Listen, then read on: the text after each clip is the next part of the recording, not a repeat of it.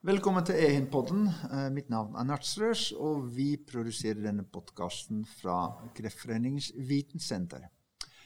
Legeforeningen skal legge bedre til rette for helseinnovasjon og klinikknær utvikling som støtter pasientbehandling og bidrar til effektiv helsehjelp. Og til dette har Legeforeningen etablert en arbeidsgruppe for helseinnovasjon. Det skal vi snakke i dag om med eh, Gry Dale. Velkommen. Tusen takk. Du er spesialist i thoraxkirurgi. Hva er det for de som ikke vet hva det er? Thoraxkirurgi er kirurgi på brystkassen og det som er inni brystkassen. Dvs. Si mest med hjertekirurgi og lungekirurgi, og òg noen deformiteter eller brystkasser som er mal, malformerte. Mm. Eh, og det har skjedd en voldsom utvikling i hjertekirurgien de siste 60 årene. Vi fikk hjerte-lungemaskin i 1953. Og da kunne man operere på plegisk hjerte. Og så utviklingen gått, og nå har det blitt mer kateterbasert. Så det går liksom fra det ene eh, ytterligheten til det andre. Eh, så det har vært en voldsom utvikling i faget. Mm. Og du er med i denne gruppa i Legeforeningen. Også med Helga Brøgger, som er utdannet lege fra Universitetet i Oslo. Og du jobber med radiologi eh, på Oslo universitetssykehus. Det stemmer. Jeg er røntgenlege, radiolog. Mest kjent er vel ordet røntgenlege. Altså, vi ser inni pasientene, og vi jobber med alle spesialiteter. Både barn, og nevro- og thoraxkirurger. Og prøver å hjelpe dem med å gi svar på mm. hva som feiler pasienten, eller om behandlingen er effektiv. Og så er det jo også litt eh, i grenseflate mot uh, kirurgi med kateterbasert behandling. Så det smelter jo litt sammen. Og dere er da med i denne nye gruppe, arbeidsgruppe innenfor Legeforeningen, og det er flere enn dere som er med. Hvor mange er dere? Du, vi er fem stykker. Vi er så heldige å ha blitt invitert av Legeforeningen til å sitte i denne gruppen. Eh, det er da Gry og meg, og så er det Lindy Jarosch von Schweder, er psykiater og konserntillitsvalgt for Akademikerne i Helse Midt. Hun driver også med et studie i innovasjon ved NTNU. Eh, og så er det Atta Tajik, som sitter i Ukom, som er Statens undersøkelseskommisjon for helse- og omsorgstjenesten. Han er kardiolog og tidligere jobbet i Stavanger. Han sitter også som leder av Legenes forening for helseteknologi og innovasjon.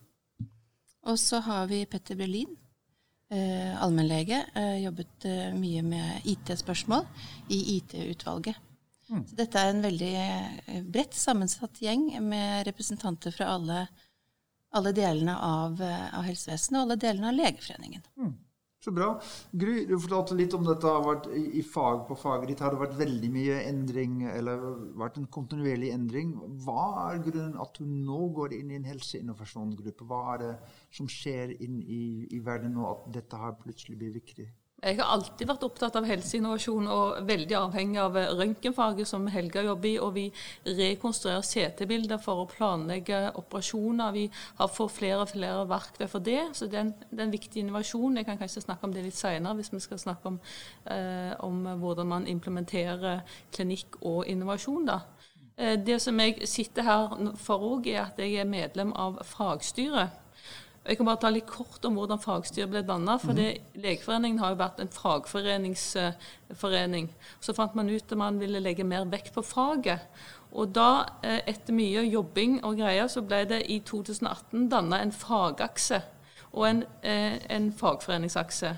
Og fagaksen har et eh, fagstyre som ble dannet i 2018. Jeg har sittet der eh, fra da og til nå. Og der har òg Petter Brelin sittet, og Cecilie Risø er, er, formann. Og vi jobber med, med, fagsaker, og da sendte Helga en, et forslag om at vi skulle òg danne en innovasjonsgruppe.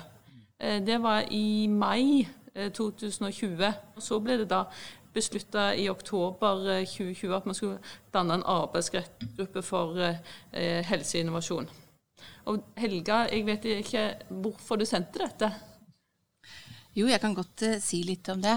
Uh, vi er jo så heldige å være medlem av Legeforeningen, som jo er en, en sterk gruppe hvor veldig mange av Norges leger er organisert.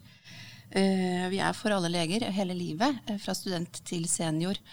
Og med innovasjonsarbeidet og interessen og ikke minst ressursene som skjer på dette området i Norge, og det gjelder jo ikke bare helse, det gjelder på mange andre områder også, så eh, tenkte jeg at dette var en utvikling som eh, var viktig også at Legeforeningen ble med på. Mm. Fordi vi trenger eh, en kunnskapsbasert tjeneste, og vi trenger en kontinuerlig forbedring og ikke minst en bærekraftig utvikling av helsetjenestene. Mm. Det er såpass mange utfordringer som står foran oss. Og da syns jeg det er viktig at også legene er med på, på å skape de gode løsningene og mm. kommer tidlig inn i disse innovasjonsprosessene. Ja, og da er uh, egentlig neste spørsmål litt hva, hva, legger dere i innovasjon? Hva er det som faller under helseinnovasjon? Skal jeg starte først? Jeg, jeg er jo veldig tilknyttet intervensjonssenteret mm. i spesialisthelsetjenesten, der vi utvikler nye metoder. Vi har det senteret der vi, hvis vi har en ny device, en ny klaff, en ny eh, ting som vi vil bruke, så så prøver vi den ut der. Eh, den må jo selvfølgelig godkjennes av eh, regelverket. Og på intervensjonssenteret kan vi bruke operasjonsstua hele dagen. Vi har, trygge, vi har, alt mulig eh, hjelp vi kan få. Og vi kan òg forberede det med, med, alle mulige rekonstruksjoner, f.eks. 3D-printing er en ny metode vi bruker med 3D-printe et hjerte som vi skal operere på, og så opererer vi på det printa hjertet før vi opererer det på pasienten. Og da har vi trent på, hjerte, på, på den eh, plastmodellen istedenfor å trene på pasienten. Mm. Det gjør vi ikke selvfølgelig hvis man har en helt enkel operasjon som vi har gjort det 100 ganger før. Men eh, hvis det er noen nye ting som en, en veldig spesiell, et veldig spesielt hjerte, så ønsker vi å gjøre det. Og det kan vi òg gjøre med holografi. Mm. Ja, for Fortell meg litt hva, hvordan 3D-printer man et hjerte. Er det da et Da man da først bilder, eller hvordan går, det, går man til verks? Vi tar eh, CT-bilder, og så rekonstrueres de til spesielle STL-filer, som så eh, blir rekonstruert videre, og så kan man da printe videre eh, et hjerte eller deler av et hjerte i plastmateriale. Ok, Og så kan man teste hvordan man skal operere det hjertet først på en, på en, modell før man går inn i en ekte kropp. Ja, og Da ser man mye bedre hvordan hjertet ser ut òg når man får, får, 3D. Når vi ser på skjermer, så får man bare 2D. Men har, når man har 3D-modeller, så så ser man og tar på hjertet, kan prøve en klaff inni det. Man kan prøve en, en, den tingen man skal reparere, da se om den passer. Mm, hvor lenge har det vært mulig å 3D-printe et hjerte? Er det lenge, eller ikke sånn veldig nøyaktig, men det, det, høres ut som det er noe som I alle fall ti år, kanskje, og, og enda mer. Ja. Og man, holografi har vi jo drevet på med i eh, fem år, kanskje. Ja. Og holografi er noe man gjør på, på, i Oslo. Har lagd sånn, et senter rundt det. Kan du fortelle litt mer om det? Ja, Det er et eh, prosjekt som eh, er òg en interaksjon mellom innovasjon og klinikk. Eh, man lager hologrammer av hjerter eller av ortopediske tilstander. Og, og spesielt lever er de som starta med det, for å se hvordan man kunne operere bort deler av leveren på en trygg måte. Så lager man hologram. Og hologram er en slags miljøvennlig 3D-printing.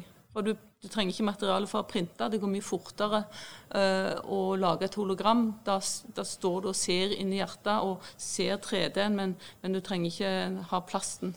For HoloLens det er en slags brille man tar på seg, og så ser man det i 3D foran seg uten at det er der i virkeligheten en slags virtuell fremstilling av hjerte og leve. Ja, det er Microsoft som hadde denne linsen, og så jobber vi sammen med Soprasteria. Og eh, så har alle, flere deler av klinikken, lever, eh, hjerte, barnehjerte spesielt, mm. og, og, ortopedi, eh, og ørenes og hals. Eh, Utvikla forskjellige modeller som vi kan jobbe videre med der. Så det er et, det er et stort prosjekt nå. Mm. Og barnehjerter, da er det det samme at man på en måte tar skannet og så uh, kan fremstille det virtuelt. Ja. At legene kan på en måte se hva de skal gjøre før de går inn i, i en kropp. Ja, og det har vært veldig nyttig for barnehjertet. Et, et barnehjerte kan, har jo misdannelser som man skal reparere. Eh, et vanlig buksenhjerte som er lagd sånn som Anatomiatlaset sier, det, det, er det ikke så vanskelig å forestille seg hvordan det ser ut. Men et barnehjerte med kanskje bare én, et hjertekammer, det er ikke så lett å forestille seg i hodet sitt før man opererer, så da er det lurt å ha et hologram og, og se veldig nøye på hvordan man skal gjøre. Og når man da planlegger det på hologrammet, så får man eh, en mye tryggere eh, approach da, til operasjonen. Ja, så bra. Eh, Helga, innovasjon kan være så mangt, men vi ser jo at per i dag er det veldig mye IT som er involvert i ganske mange av de prosjektene. Stemmer det? Ja, eh, og eh, historien til Gry er jo veldig illustrerende. Det er jo veldig mange som har veldig gode prosjekter og ulike produktutvikling. Ehm, det vi ønsker med arbeidsgruppen, er å ta dette et steg videre og, og gjøre det relevant for alle medlemmene, og ikke minst for, for Legeforeningen som organisasjon. Eh, fordi vi ser at det er utfordringer som må løses på litt nye måter. Vi må jobbe på en annen måte, og vi må ta i bruk annet verktøy, bl.a. IT. Um, pandemien som vi står midt oppi, viser jo at um, det er mange ulike løsninger man kan ta i bruk. Og da er det jo viktig at den man kan kalle domeneeksperter, altså helsepersonell, leger, er med i tidlig fase for å identifisere de utfordringene som er, og være med på å skape de gode løsningene. Enten det nå er systemer med informasjonsutveksling, eller det er avstandsoppfølging, det er ulike produkter. Mm. Men vi har også valgt å ta det et steg høyere og snakke om og tenke på sosial innovasjon, som jo dreier seg om å sørge for at ressursene brukes på en god måte, at helseressursene brukes på en god måte. Eh, da er det jo mer snakk om å skal vi si, hjelpe til med å dekke udekkede sosiale behov. Det er ofte det man ser på med sosial innovasjon. Vi har ikke landet helt hvilken definisjon vi bruker. Det er tre.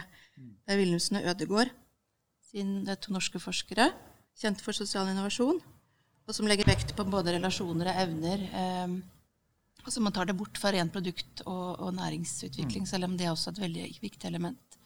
Men, ah, men, er det ikke veldig naturlig at leger er interessert i dette her? Det som vi lever nå i 2021. Eh, nå kommer det en arbeidsgruppe for helseinnovasjon. Eh, hva er det, det som gjør det aktuelt nå? Eh, Grunnen til at jeg sendte e-post til eh, fagstyret, er jo at det er eh, mange aktører eh, i, i, dette landskapet. Det er et spennende landskap. Jeg tror det kommer til å komme veldig mye godt ut av det. Men det vi har av spesifikk fagkompetanse, og ikke minst organisasjonserfaring og ulik forvaltningserfaring, eh, må være godt representert her, og gjerne så tidlig som mulig.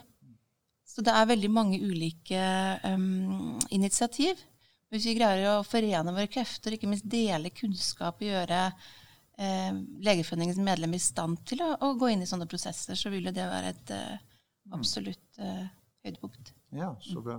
Uh, Gry, du, har jo mye erfaring med dette her med, med innovasjon og en ganske praktisk uh, hverdag. Hvor viktig er det at leger har en, stemme inn i innovasjonsprosjektet? det er jo veldig viktig. Eh, det er jo legen som, som, på en måte får til slutt ansvaret. Legen har pasienten og skal gjøre det beste for pasienten. Og sånn er det jo nå. Han har begynt med en og når vi, men man tenker når man skal ha en ny metode, en ny ting man skal, skal, hjelpe mennesker med, så må man vite er den skadelig for pasientene. Er, er det en bedre eksisterende metode? Får det konsekvenser hvis vi tar den inn i sykehuset? Får det konsekvenser for organiseringen? Og får det eh, konsekvenser for prioritering rundt. Er den veldig dyr? Er det uforholdsmessig dyr? Bruker vi mye penger på noe som egentlig vi kunne gjort eh, like godt på en annen måte? Var det svar på det du spurte om? det Delvis, eh, absolutt. Ja, Helga, du vil si noe? Ja, det Gry illustrerer med den rekken med, med, spørsmål, er jo dette med den pasienten i utvikling. Vi tar jo med oss vår rolleidentitet og ikke minst hippokratiske ed også inn i dette arbeidet. Det skal være nyttig, det skal være verdifullt for pasienter og for helsepersonell. Så skal det ikke skade. Hvis man tar det siste begrepet litt ut, så skal man også gjøre god bruk av, av ressursene i helsevesenet. Så det som går av midler til ut, uh, utvikling og innovasjon, faktisk resulterer i endepunkt bedre pasientopplevelse, bedre pasientreiser, eh, redusere sykelighet og dødelighet. Mm. Vi ser jo en, en eh, ganske sterk uh, innovasjon innenfor helse. Det har vi jo sett for så vidt i, i, mange år. Men særlig de siste årene har det, det fra IT-side bruk av helsedata, uh, bildebehandling, uh, skann, 3D-print, HoloLens Masse Det skjer jo veldig mye. Eh, har dere følelse at legene blir tatt inn nok i de prosessene? Det som har vært spennende etter at vi lanserte gruppen, er jo en veldig stor interesse fra veldig mange aktører. Så det er et, eh, et ønske om at leger skal være med inn i, i dette, og det er veldig hyggelig. Eh, det som nok har vært utfordrende, har, er at det har vært to-tre tradisjonelle løp for leger, enten en klinikkveien eller forskning.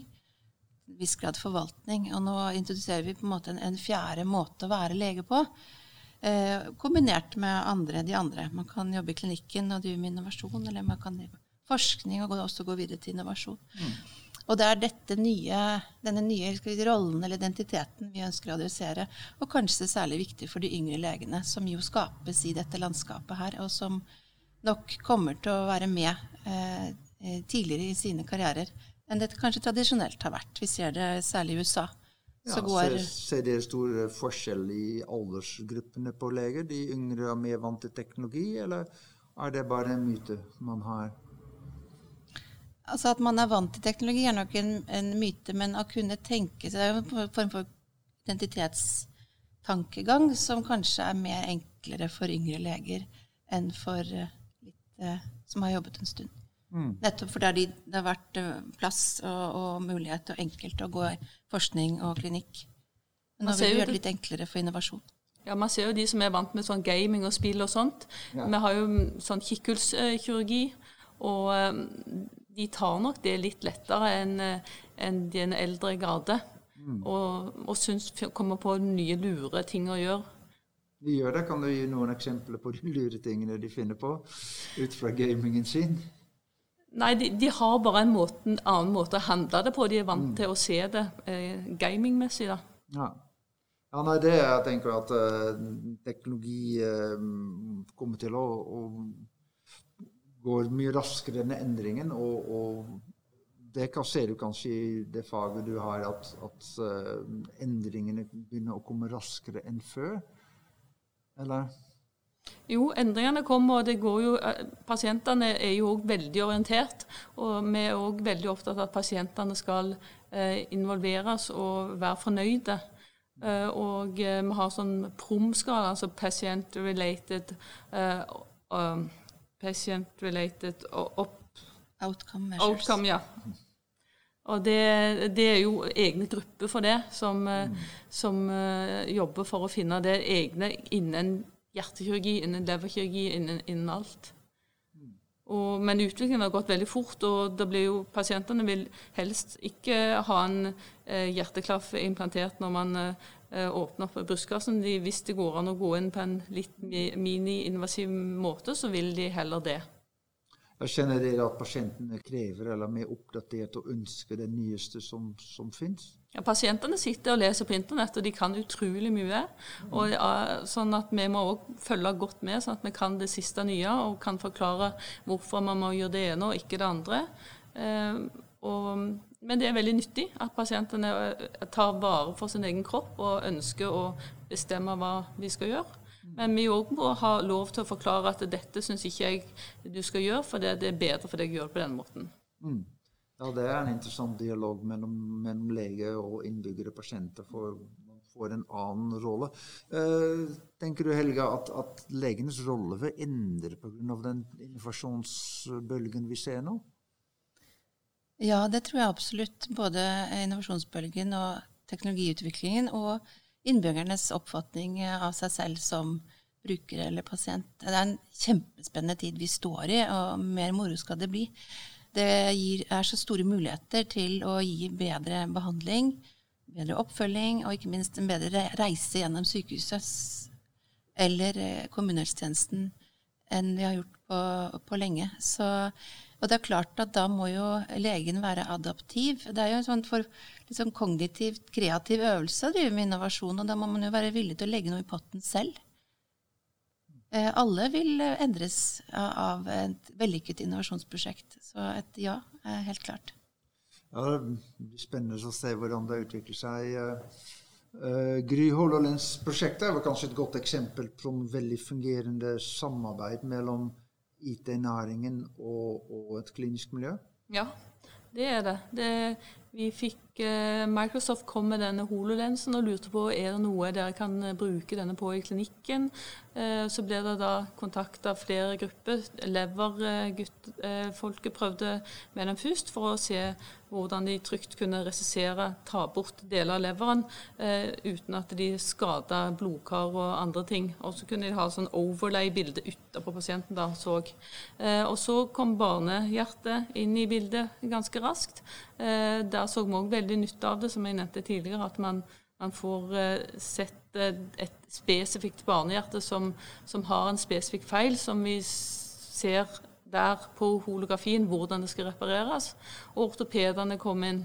Eh, og så har vi da gått sammen i dette prosjektet og, og samarbeid. Vi klinikerne sier vi syns vi skal gjøre litt vi må gjøre litt annerledes for at det skal bli bedre. Og så fikse teknologien, teknologene det, og så kommer de tilbake med et produkt som jeg sier ja, dette var mye bedre. Og, nå, og så blir det sånn ballspill fram og tilbake. Og det har blitt veldig, veldig bra. Mm. Det heter ho vi har et eget sånn, det heter Holocare, da, det er hele paraplyen over det. da. Kan det være et godt eksempel, eller hvordan man kan også gjøre det på andre deler i klinikken? Selve samarbeidet? Ja, det tror jeg man, man Hvis man bare er åpen for, eh, for eh, nye ideer. Eh, man har jo kunstig intelligens som man bruker for å, risk, for å finne lettere risiko. Man må bare være klar over hva, hva som kan være feil der òg. Og vi har òg vi har lagd et sånn 360 graders kamera som man ser gjennom. Og da kan man ved hjelp av dette kameraet ta opp Eh, en eh, prosedyre eller sånt, eller man kan stå og, og, se den på fjernt. Og så kan man da gå rundt på en måte og se og, og, og veilede hvordan tingene skal gjøres. Så det tror jeg er veldig i Fjernveiledning av, eh, av operasjoner, da. At man, at man ser Man kan sitte i USA og se hvordan man gjør det i Norge, og så sier man nei, men du må heller gjøre Nå skal jeg hjelpe deg, nå gjør du litt sånn og sånn som jeg sier. Mm. Og så kan man eh, på en måte få en veldig høy kompetanse fra et annet sted inn på operasjonsrommet. Mm. Ja. Uten at man må reise. Og det er jo veldig aktuelt nå i disse tider. Man får ikke reise noen plasser. Man, man trenger å gjøre ting, og man trenger hjelp. Mm. Uh, og da, det, da, finner man på mer og mer lure måter å overføre uh, bilden eller prosedyren på. da. Mm. Ja. Helga Gry nevnte artificial intelligence, og det er jo i faget ditt radiologi ganske noe som er veldig i oppkomst. Hvordan ser du på det? Det er en av grunnene til at jeg har valgt å engasjere meg i dette feltet, helseteknologi, og da kunstig intelligens spesielt. Det er jo de visuelle eh, medisinske spesialitetene, da særlig radiologi, som er med bilder. Men det er også hud, som jo har eh, eh, visuell eh, del. Eh, øyebunn vel de mest kjente. Og det er jo fordi eh, overgangen fra det man kan i andre sektorer, er lett å, å flytte inn. Eh, det har jo eh, endret på måten man ser på radiologifaget noe. Mm. Kanskje ikke så mye som man initialt trodde da i 2014-2015, da det virkelig begynte å ta av innen mitt fag. Mm. Um, men det er jo en innovasjonsreise vi som spesialitet har begynt på, og som er veldig moro. og som viser, understreker betydning av å kunne samarbeide kreativt med ulike aktører. Mm. Gry har nevnt pasient. Det er kanskje vår viktigste eh, medspiller i dette her. Eh, og så er det ulike teknologiske bedrifter, men det er også ulike eh, organisasjoner og offentlige som vil være med på å skape en bedre helsetjeneste. For hva kan kunstig intelligens gjøre innenfor radiologi? Bare kort forklart, hvordan er det det bidrar til det, det, man mest har sett på, er jo det å gjøre jobben som radiologen gjør raskere og bedre og med feil, nei, unnskyld, færre feil. Mm. Eller Freudian slip, det tenker jeg. Eh, men det jeg syns kanskje er mest interessant, er jo å kunne sammenstille kunnskap som vi som mennesker bruker så lang tid på. Mm. Og det er, det, det er jo dette man håper å åpne med presisjonsmedisin. Å mm. kunne ta eh, informasjon som vi ikke kan se med vårt blotte øye på røntgenbilder, eh, som gir noe mer informasjon om risikoen f.eks. en kreftpasient har for spredning osv. Og, så mm. og gjør at man får en mye mer skreddersøm og mer effektiv behandling, og som kanskje også gjør at vi unngår overbehandling. Mm.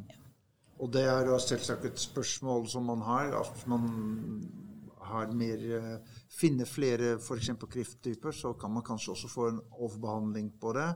Men så det er, det er, ikke bare å bruke teknologi, det vil være noen etiske spørsmål rundt dette her også. Ja, så absolutt. Alt har jo sin pris, også ny teknologi. Den vil løse en hel rekke problemer og gi veldig store gevinster. Men så vil det også være en del ting man må tenke på. Eh, representative datasett. At vi vet jo fra tidligere medisinsk forskning at det har vært en kjønnsbias i, i hva man har greid å samle inn. Eh, også dette her. Og, og, det er jo ikke noe unikt med kunstig intelligens per se. Det kan bare forsterke det som vi menneskene har rigget til av skjevheter, på en måte. Det må vi være klar over.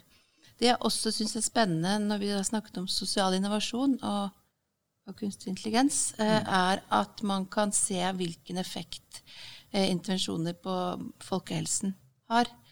Eh, vi vet en hel del, men jeg tror nok det å ta inn både medisinsk kunnskap, folkehelsekunnskap, sosial, kunnskap om, om, om sosiale eh, omstendigheter rundt pasienter, vil kunne bidra til at vi får en bedre, effektiv folkehelsearbeid.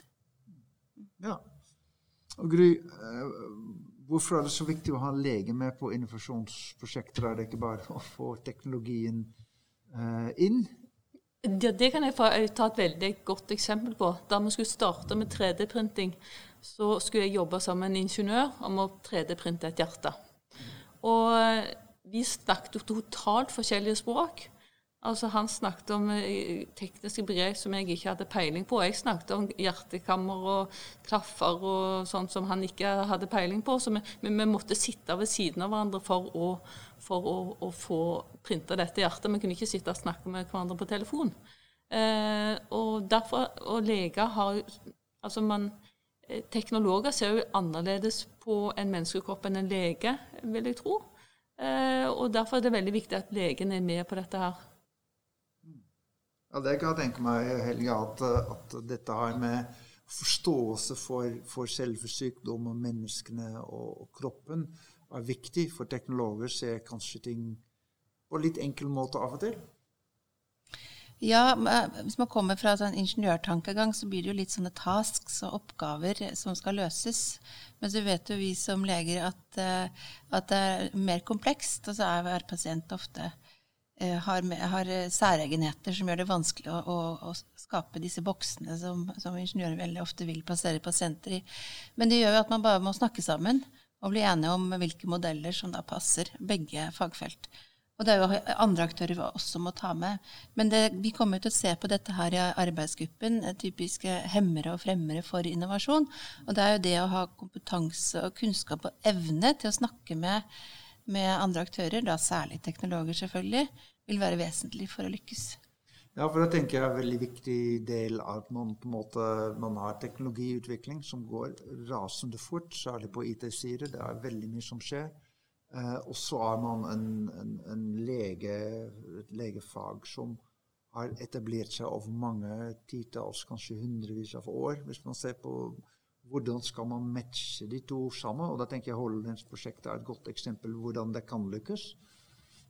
Ja, og det som er også litt viktig, at man, at man på en måte ufarliggjør Det høres jo veldig skummelt ut eh, når man ikke kjenner til det med kunstig intelligens og sånt. Da, man, at man tar det ned på et, et, et nivå der, der, den menige lege kan skjønne hva man snakker om. Og akkurat det har vi tenkt å ta tak i nå på Faglandsrådet. Vi skal ha en sesjon som heter kunstig intelligens og virtuelle verktøy. Eh, så man skal ha en sånn eh, 90 minutters eh, seanse og, på en måte ta det ned til konkrete eksempel hva man bruker kunstig intelligens og digitale verktøy til i hverdagen. Mm. Og for dere og Intervensjonssenteret er veldig flinke til å ta innovasjon til seg, men er leger og andre klinikere er de flinke til å, å forstå teknologi og være åpen for det? Det tror jeg. Eh, alle syns det er veldig spennende med teknologi. Alle er jo veldig interessert i å kjøpe en ny mobiltelefon og ny PC og ny Mac og det som måtte være. Og teknologi er jo eh, spennende å jobbe med. Og hvis man da kan implementere det i sin kliniske hverdag, så er jo det fint. Men man må gjøre det på en trygg måte. Og det er jo intervensjonssenteret veldig eh, godt til. Vi, vi får god tid, god support, som jeg nevnte, og, og har tilgjengelig all mulig personell. Og så var det noen som, som, lurte på det, så har jo pandemien vist oss at man ikke lenger da kan skille mellom skal vi si, helsehjelp og de verktøyene som brukes for å yte helsehjelp. Altså IKT-verktøy i, i, i, stort. Det være seg pasientjournal, det være seg ulike apper eller ulike former for kunstig intelligens. Nå er det ene så inkorporert i det andre, så eh, hoved, eh, hovedbudskapet vårt er jo at vi får leger med på disse ulike innovasjonsprosjektene, gjerne tidlig og gjerne mm. klinikknært. At vi blir gode på å snakke med de som er med på å utvikle teknologien. Og forstår også eh, de begrensningene de har. Og at teknologene blir gode på å forstå hvilke naturlige begrensninger som ligger i det å yte forsvarlig helsehjelp. Og eh, det å ha en menneskelig kropp, og ikke en modell. Ja, hvis, jeg, hvis, jeg, nå har en, eh, et IT-selskap eller en teknolog og jeg har, tror jeg har en god idé, eh, hva skal jeg tenke på da? Kan jeg ta kontakt med arbeidsgruppen f.eks. For, for å få noen gode tips? Ja, det syns jeg godt uh, du kan gjøre. Vi er uh, lydhøre for alle aktører. Vi vil jo gjerne bidra så godt vi kan inn i, i både små og store prosjekter. Og vi trenger også eh, informasjon. Eh, hvor er det skoen trykker? Hva trenger man? Hva, se, hva, ønsker man av leger i ulike prosjekter? Det vil jo være verdifullt i vårt arbeid når vi skal gi eh, råd og, og, og, sammenstilling til medlemmene på hva som kan lønne seg. Mm. Og ikke minst kan vi eh, formidle kontakt hvis vi får henvendelser henvendelse fra, så sier vi at kanskje det, du kunne ta kontakt med det miljøet der. De har sikkert stor interesse av din innovasjon. Mm. Og så har dere da en gruppe for Legeforeningen. Hva er reaksjonen fra Legeforeningen og andre leger på, på deres nye gruppe? Den er jo udelt positivt. Det er jo veldig gøy at sentralstyret i Legeforeningen og fagstyret har gått sammen om dette. Det er jo veldig relevant, det er veldig aktuelt, og det er veldig i tiden. Så det syns jeg er uh, veldig moro. Og uh, jeg tror vi som organisasjon kommer styrket ut av det, fordi vi skal jo inn i dette landskapet, og om ti år så er det å være lege eh, kanskje litt endret. Kanskje noen spesialiteter mer enn andre. Og for de yngre legene så er nok dette en mer naturlig løp å gå enn det var da jeg begynte min spesialisering. Vi skal også ha med de inn i vår forening. Da sier vi takk til dere, Gry Dale og Helga Brøgger, for uh, denne podkasten. Tusen takk for at dere ble invitert. Det har vært ja. veldig hyggelig. Ja, tusen takk. Dette var veldig spennende og veldig hyggelig.